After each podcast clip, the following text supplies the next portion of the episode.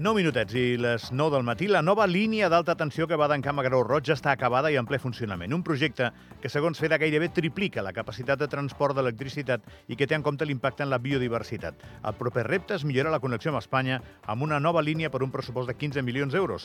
Marc Albet és el director d'enginyeria de FEDA. Marc, bon dia. Hola, bon dia. Per què és tan important aquesta línia de la que parlàveu ahir? Molt bé. Pues aquesta nova línia d'alta tensió amb doble circuit amb una tensió d'aïllament de 110 kV eh, és una infraestructura molt necessària pel transport d'energia elèctrica dins del país. Un projecte ja previst al Pla Sectorial d'Infraestructures Energètiques d'Andorra, i al qual aquesta nova línia pues, permet una millor interconnexió entre diferents estacions transformadores i repartidores, al qual, a part de, que, de, a part de incrementar o quasiment triplicar la seva capacitat, també ens permet obtindre una flexibilitat d'intercanvi d'energia a nivell d'importació, al mateix temps que també ens garanteix més criteris de seguretat i manteniments correctius i també ens permet eh, poder absorbir les futures produccions d'energies renovables. Tu saps, Marc, que nosaltres l'única relació que tenim amb la llum és que vagi bé. La, la gent en general, és dir, l'únic dia que ens queixem és si no va. Interruptor i au, no? Interruptor i tot el que se'n deriva de, de l'energia, no? I aquí una sèrie de gent que treballeu perquè precisament tot això vagi passant de manera natural, no? Correcte, el nostre objectiu és que garantir en tot moment, recordar que és una empresa pública, el nostre objectiu és servei al client i, evidentment, nosaltres, eh, una de les excel·lències que hem de sempre garantir és eh, garantir la qualitat de subministrament. Evidentment, doncs, són ratis, indicadors de, de mesura d'estais de corrent, etc. i sempre nosaltres intentem doncs, garantir aquest servei.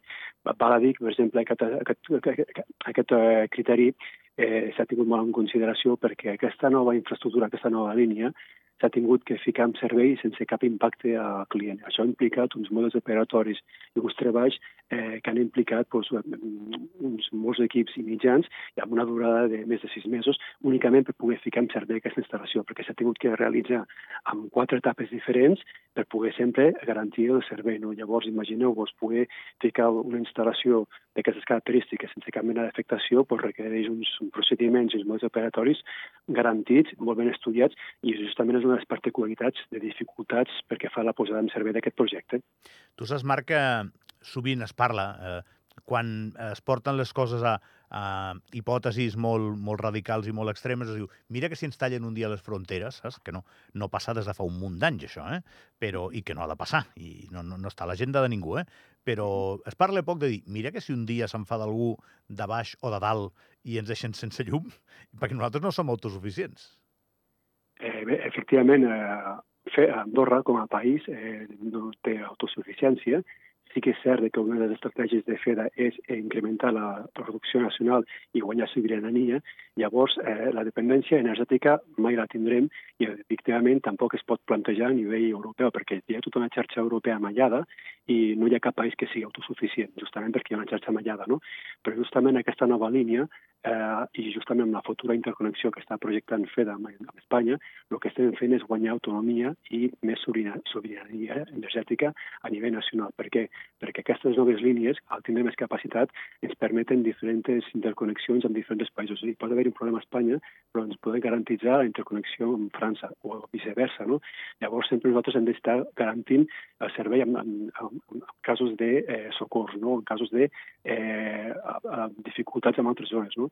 Llavors, aquesta nova línia ens permet justament aquesta flexibilitat de poder eh, importar eh, energies i més tenint en compte de que, bueno, pues, que cada cop hi ha una dependència elèctrica o energètica més important, vehicles elèctrics, elèctriques, calefaccions eh, elèctriques, i aquesta gestió pues, eh, s'ha de tindre en compte pues, eh, incrementant les capacitats i poder, poder disposar d'aquesta energia ja sigui de França o d'Espanya.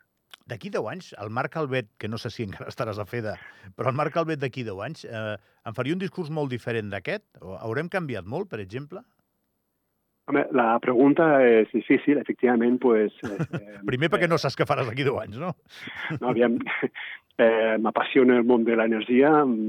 FEDA és una empresa amb unes línies estratègiques eh, molt importants a nivell nacional, és una empresa eh, amb un impacte de país eh, fonamental i justament pues, eh, la visió de FEDA és a mig llarg termini. No? Llavors, quan hem construït aquesta infraestructura, eh, és una infraestructura que ha tingut en compte dissenys d'enginyeria molt importants eh, per poder-la garantitzar durant 45-50 anys. No? És a dir, una, una inversió que s'hauria d'amortitzar més de 40-50 anys. Pot ser, per exemple, el cas de que l'actual línia d'alta tensió que hi havia existent es va construir als anys, als anys 40, es va reformar als anys 89-90 i ara aquesta línia actual que feia de 110 amb el transport Ara ja ha arribat al 2024, la desmantellarem per aquesta nova línia d'alta tensió que hem construït. I a més a més cal tindre en consideració que la vella línia doncs ja els criteris de disseny mecànic, estructurals, de riscos naturals, ja no es tinguin tant en compte com és que s'han tingut ara actualment. No?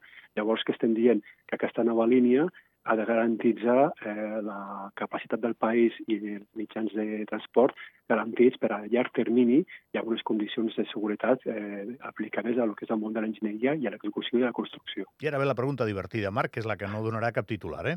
Eh, tu, tu creus que l'energia algun dia es teletransportarà i no caldran tots aquests catxarros? Bueno, això eren les teories de Nikola Tesla, de que buscava l'energia sense la conducció... Per això t'ho pregunto. bueno, eh, evidentment eh, és, és, és, una, és una pregunta que és eh, difícil, difícil. Eh, doncs, doncs tens un minut. molt, molt difícil.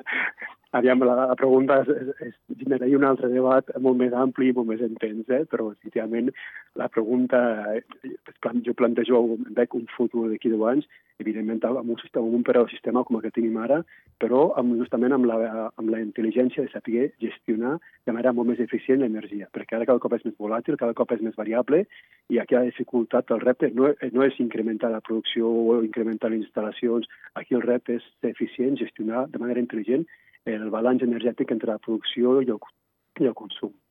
Marc Albert, director d'Enginyeria de FEDA, moltíssimes gràcies. Eh? A vosaltres. Que vagi molt bé. Merci, bon dia.